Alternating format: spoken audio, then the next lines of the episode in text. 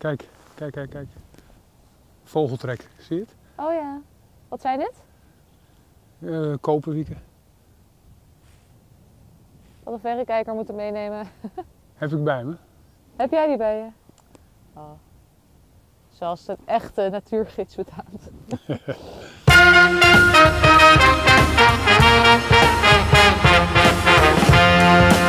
Welkom bij de podcast van IVN Natuureducatie. Mijn naam is Sofia en ik werk al een hele tijd voor IVN. Maar ik weet eigenlijk veel te weinig van de natuur af. Gelukkig hebben we door het hele land gidsen die jou en mij van alles kunnen leren over de Nederlandse natuur. Ga je mee op pad? Hey Bert. Hey, goedemorgen Sofia. Wat leuk dat we hier uh, op Texel zijn. Op Texel, ja. Zelfs helemaal op het uh, puntje van Texel, op de Hors. Ja, want dit is een super mooie plek om uh, ja, meer te weten komen over de duinen, toch? Ja, ja dit is eigenlijk een beetje een, uh, de plek waar je kan zien hoe duinen ontstaan. Een van de weinige plekken nog in uh, Nederland. Ja, en ik word hier altijd heel enthousiast van, want het verandert keer op keer, iedere keer als we hier komen. En vandaag is het echt wel een beetje koud, een beetje nattig geweest vannacht. Het heeft gevroren, dus het ziet er ook wat wittig uit. Maar ja, we staan hier echt tussen hele jonge duinen die uh, nog heel jong zijn eigenlijk. Ook al vinden denk ik veel, mensen, veel Nederlanders in ieder geval de duinen horen bij het landschap is best wel speciaal dat wij zoveel duinen Ja, hebben. en het is ook wel uh, bijzonder eigenlijk, hè? want de mensen die naar het strand gaan, die, uh, die moeten door die duinen heen. Hè? Ja. Want ja, je, je komt van, zo weet ik veel waar vandaan, maar dan moet je door die duinen heen. En die zien dat vaak nog wel eens lastig om helemaal door die duinen heen te gaan. Maar het is wel heel uniek want ja, uh, er zijn niet zoveel plekken in de wereld waar uh, duinen zijn. En in Nederland is het maar een klein deeltje. En het is toch een heel bijzonder landschap. Ja. Hè? ja. Wat zijn duinen nou precies? Nou, dat is eigenlijk heel simpel. Dat is een hoop zand. Gewoon een hoop niet, zand? Niet meer, uh, ja, een, een, hoop zand. Die, en zand komt heel veel voor over de hele wereld. Alleen hier in Nederland en op een paar andere plaatsen liggen ze in bepaalde hopen en zijn ze begroeid. Ja, wat ik zo bijzonder vind is dat het ook uh, vroeger is ontstaan. Want zo oud zijn die duinen hier nog ineens. Uh, alhoewel, 5000 jaar geleden zijn ze ontstaan. Ehm, ja, en je hebt een paar dingen nodig om duinen te krijgen. En dat is heel duidelijk, dat is zand. heel veel zand en een strand, want anders heb je er helemaal, ontstaan ze niet. En een constante wind. En als je die wind niet hebt en die hele grote hoeveelheid zand, dan uh, krijg je geen duinen. En is dat ook, is de, is, ligt Texel dan op een hele goede plek daarvoor? Met uh, al die ingrediënten? Nederland, Nederland en België, dus de Noordzeekust. Hè, want als je nou uh, naar de ene laatste ijstijd, of de laatste ijstijd gaat, hè, dat er dus de Noordzee nog gewoon droog lag ja, er lag heel veel zand. En dat zand, dat, uh, ja, het is wel leuk om te vertellen, dat zand dat komt uit twee gebieden vandaan. Uh, en iedereen weet dat uh, het zand uit de Rijn komt hè, en uit de Maas. Dus daar ligt een heel groot deel zand ligt hier uit de Rijn en de Maas. Maar het andere deel dat is veel ouder en dat komt uit de Iridanos. En dan zegt iedereen, wat is nou de Iridanos? ik wilde het net vragen. nou ja, dat, dat, is wel leuk. Maar de Iridanos, dat is een hele oude rivier. Die uh, vroeger uh, uit het noorden van Europa kwam. Hè, dus Noorwegen, Zweden, die hoek uit. En die heeft al zijn zand, heeft hij dus ook in de Noordzee, in het noordelijke deel van de Noordzee neergelegd. En die grens die is heel duidelijk te vinden. En de Iridanos overigens, die kenden de, de Grieken en de Romeinen kenden hem al of nog, en toen bestond hij waarschijnlijk al niet meer. Dat betekent uh, de rivier van Barnsteen. En uh, dat is natuurlijk logisch, dat er waren vroeger allemaal naaldbossen daar in het uh, noorden. Mm -hmm. En die rivier die heeft dus heel veel barnsteen, wat we hier nu nog steeds op Texel, maar zeker in de andere Waddeneilanden kunnen vinden, heeft al dat zand en die barnsteen dus naar de Noordzee gebracht. Oh ja. En er zit dus een heel groot verschil tussen het zand van de Iridanos en het zand van de Rijn. Okay. En, die, en, die grens, ja. die zie je terug in de duinen. Die grens Hmm. die ligt bij Bergen. Oké. Okay. Bergen, dan... Bergen Noord-Holland hebben we ja. het dan over, hè? Ja, ja. En dan heb je in ten noorden van Bergen ander soorten duinen van ander zand dan het zuiden. Ja, Oké, dus in welk, wat voor zand eh, zijn wij nu? We, zijn- we zitten, we Texel? zitten nu in Iridanos-zand. In En als we ten zuiden van Bergen komen, dan zitten we in Rijnzand. Rijn- en Maaszand. En dat komt dus eh, een beetje uit eh, de Alpen vandaan. En de rest komt uit, uh, Iridanos-zand komt uit het noorden vandaan. En het verschil is dat het zand van de Iridanos is kalkarm Ja, en mineraalarm. En het zand van de Rijn is kalkrijk en mineraalrijk. Dat betekent dus als je duinen hebt, A, wil het zand van de Rijn minder goed verwaaien. Dus dat wordt lastiger om, eh, als er veel kalk in zit, om te verwaaien. ja. En het zand van de Iridanos, dat wil makkelijker verwaaien. En dat betekent ook dat je andere plantengroei krijgt. ja, dus we staan nu op de Hors op Texel. Hoe herken ik nou aan deze duintjes eh, dat het Iridanos zand is? De kleur. Oké, Want eh, het eh, zand van de Rijn, daar zit wat meer ijzer in, dus dat is bruiner. En dit zand is witter. ja. Ze hebben het altijd over het goudgele strand van Ameland. Ja, Maar dat is dus ook fijner en het is eh, eh, witter. Witter zand. oké. Nou ja, en als je dan kijkt hier, hè, we staan hier nu hier op de Hors, hoe die duinen ontstaan. En dat is dan toch heel simpel. Als je maar een vlakte hebt, zoals hier de Hors. En het is droog weer en het waait wat. Dan begint eerst het fijne zand te verwaaien. En als het wat harder gaat waaien, dan komt het grove zand er ook bij. Ja, Nou, en als er dan maar iets op het strand ligt, of het nou een schelp is, een oude krat of een, eh, wat eh, op de vloedlijn, dan krijg je een hoopje zand. Nou, en als het hoopje zand eh, er een tijdje ligt en het is in het voorjaar en bijvoorbeeld de zeeraket wil er daarop groeien, dat is dus Ja. echt zo'n pioniersplant. Nou, die begint dan steeds meer zand vast te houden. En uiteindelijk als het een beetje een hoog bergje wordt, dan eh, is de eerste plant die echt het zand vast gaat houden. Want ja, de zeeraket is een eenjarige plant, dus die sterft ook weer af. En dat is dan een beetje lastig, hè, want dan ligt er een hoopje zand. ja, En dan is er niks, maar als het een beetje mazzel hebt en het overleeft de, de winter een keer, zeg maar, en de, de, de stormvloeden.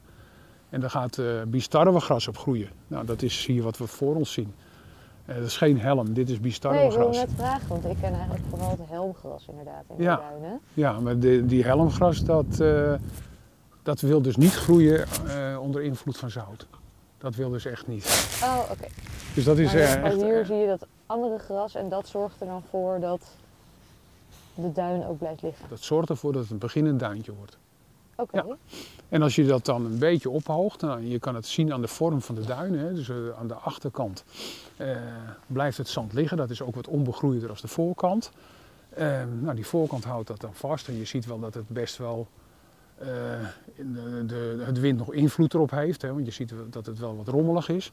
Maar dan op een gegeven moment als het biestarwegras er echt op groeit. En het wo- wordt echt een beetje zo'n duintje van zeg maar een een metertje hoog. ja.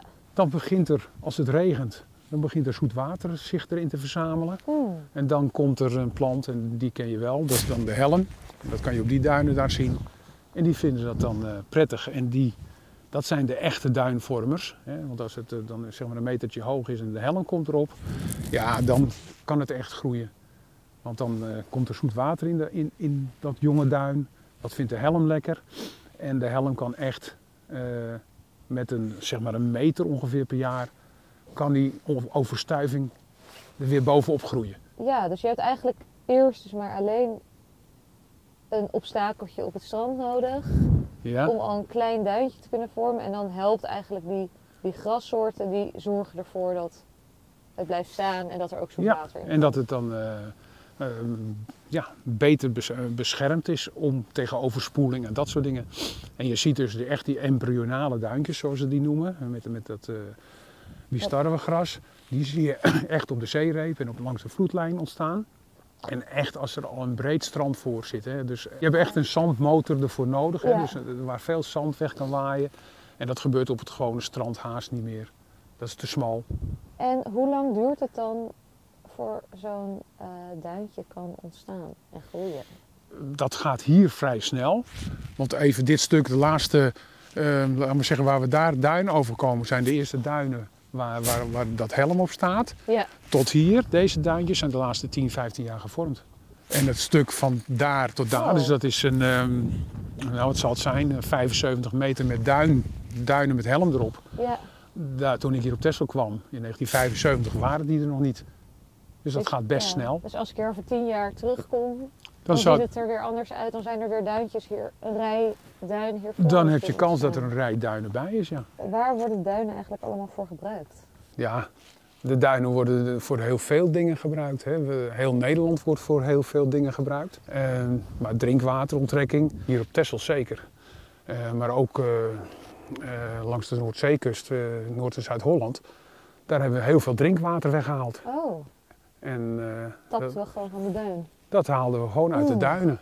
Veeteelt, hè. we hebben heel, echt best wel veel vee erin laten lopen. Ehm, landbouw.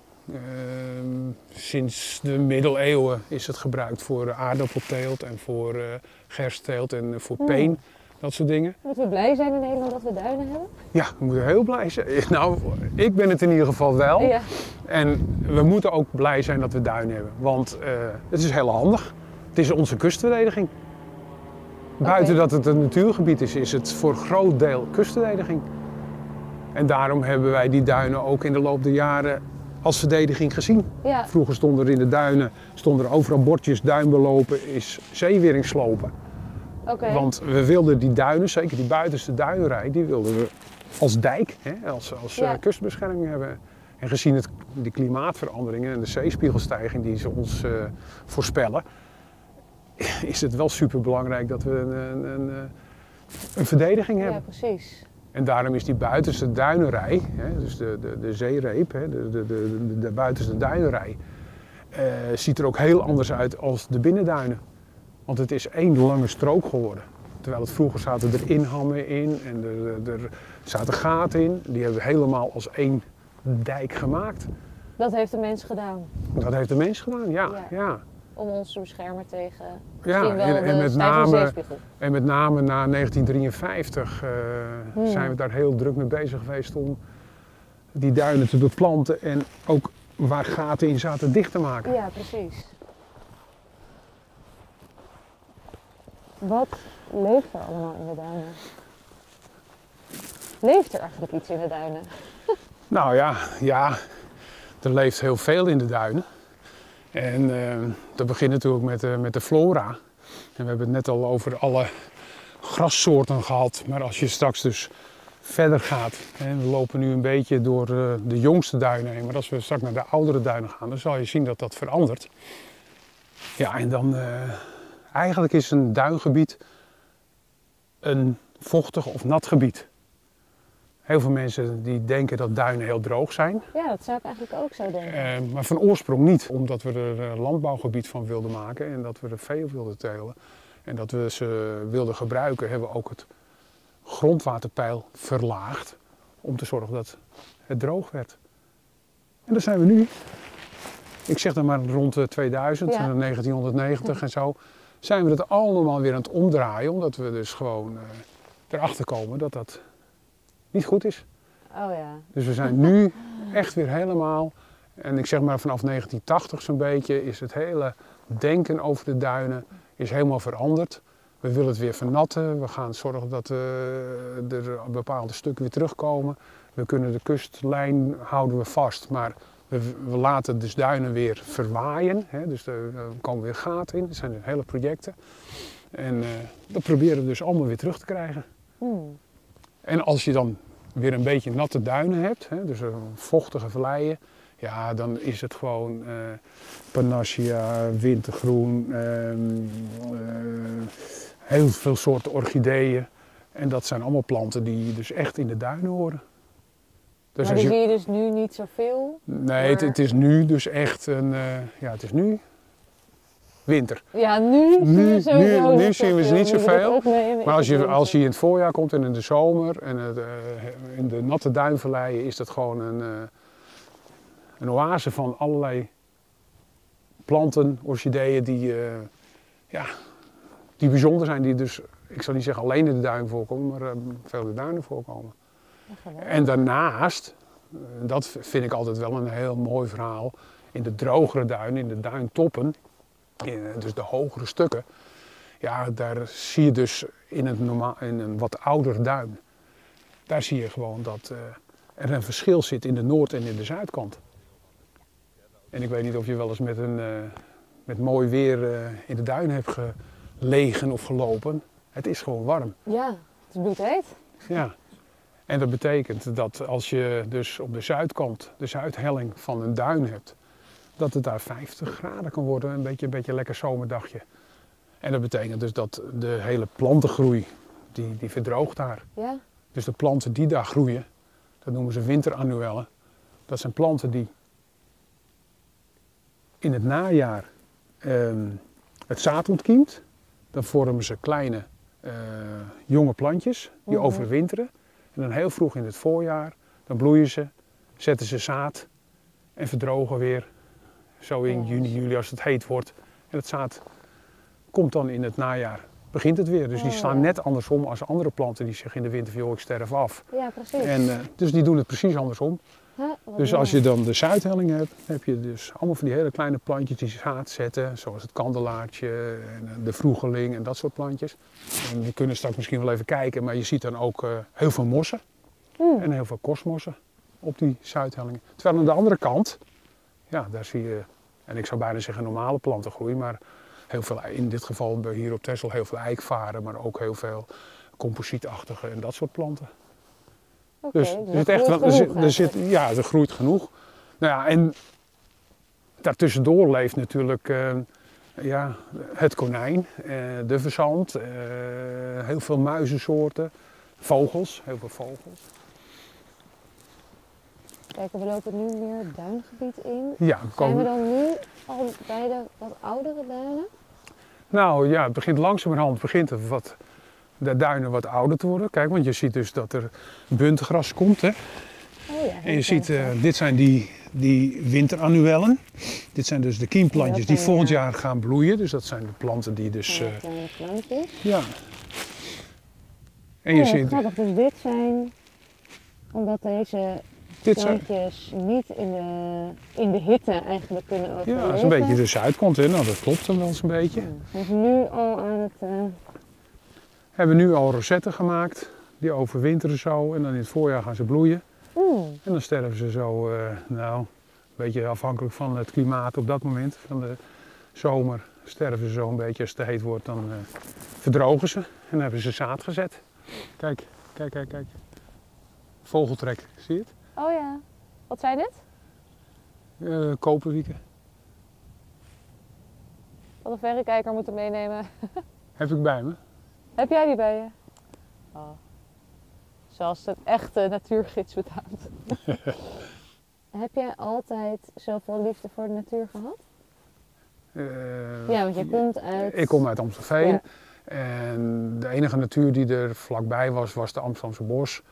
En later realiseerde ik me dat er nog wel wat meer was. Maar eh, sinds ik hier op Texel ben, eh, is dat wel extreem eh, gegroeid. Ja. Ja, En ook met name, en dat, dat is wel een goede boost geweest, is dat er op een gegeven moment in de krant stond dat het IVN hier een natuurgidsencursus ging organiseren. En ik had toch niet zoveel te doen, dacht ik. Maar goed, je hebt altijd veel te doen. Maar toen heb ik die cursus van anderhalf jaar gevolgd. En dat is wel echt dan een, eh, een eye-opener geweest. Echt dat je zegt van nou, dit is leuk, eh, we kunnen wat doen. Sinds die tijd ben ik ook natuurgids. Dus eh, ja, is het ook leuk om vooral met mensen de natuur in te gaan. Ja, wat, wat doe je allemaal als natuurgids? Ook de reguliere excursies, eh wat-excursies, eh schorre-excursies. eh, Eigenlijk over alles wat op Texel leeft. Alles wat op Texel leeft. Ik vind het ook eh, heel leuk om niet te specialiseren. Hmm. Niet van alleen maar planten of alleen maar vogels, maar gewoon ook van alles. En de samenhang, dat vind ik echt leuk. En verder blijven, wat ik heel interessant vind op het ogenblik, dat zijn echt eh, de boeken die verschijnen en de inzichten die eh, daarin omschreven zijn.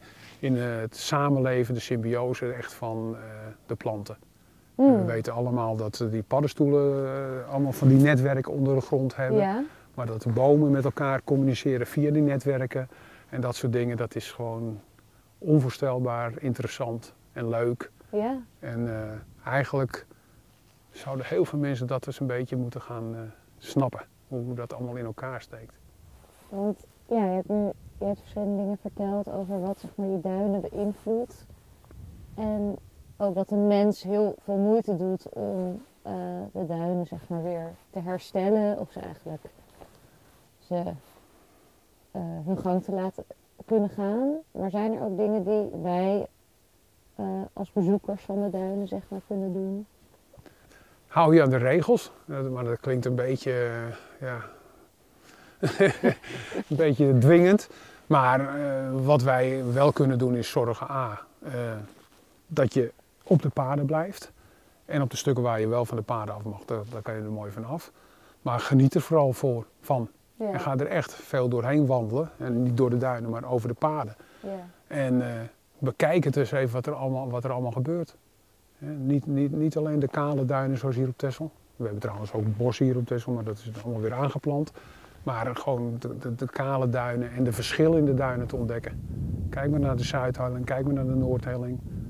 Ga maar eens lekker op een Zuidhelling liggen als, je, als het heel warm is. Dan hou je niet zo lang vol. en eh, niet alleen zomers er doorheen als je naar het strand gaat, maar ook eens een keer lekker wandelen. Dan is het duingebied is echt wel eh, top. ja. Want je ziet er, hier. want we lopen nou, maar er zijn eh, wel wat mensen tegengekomen, maar niet veel. Nee. Nee. Hm. Nou, Ja? ja. Nou, ik heb heel veel bijgeleerd over alle verschillende soorten duinen. En ja, hoe die eigenlijk ook in de loop van de jaren veranderen. En nog steeds eigenlijk veranderen. Dus ja, heel erg bedankt Bert. Ja. Dat Nou. ik met je mee mocht op pad. Ja, nou, graag gedaan. En eh, je bent altijd welkom op Texel. Ja, ik En in de duinen. denk zeker dat ik eh, over tien jaar hier nog even terug kan kijken hoe de duintjes er dan bij liggen. Ja, ik zou niet zo lang wachten als Nee. ik was.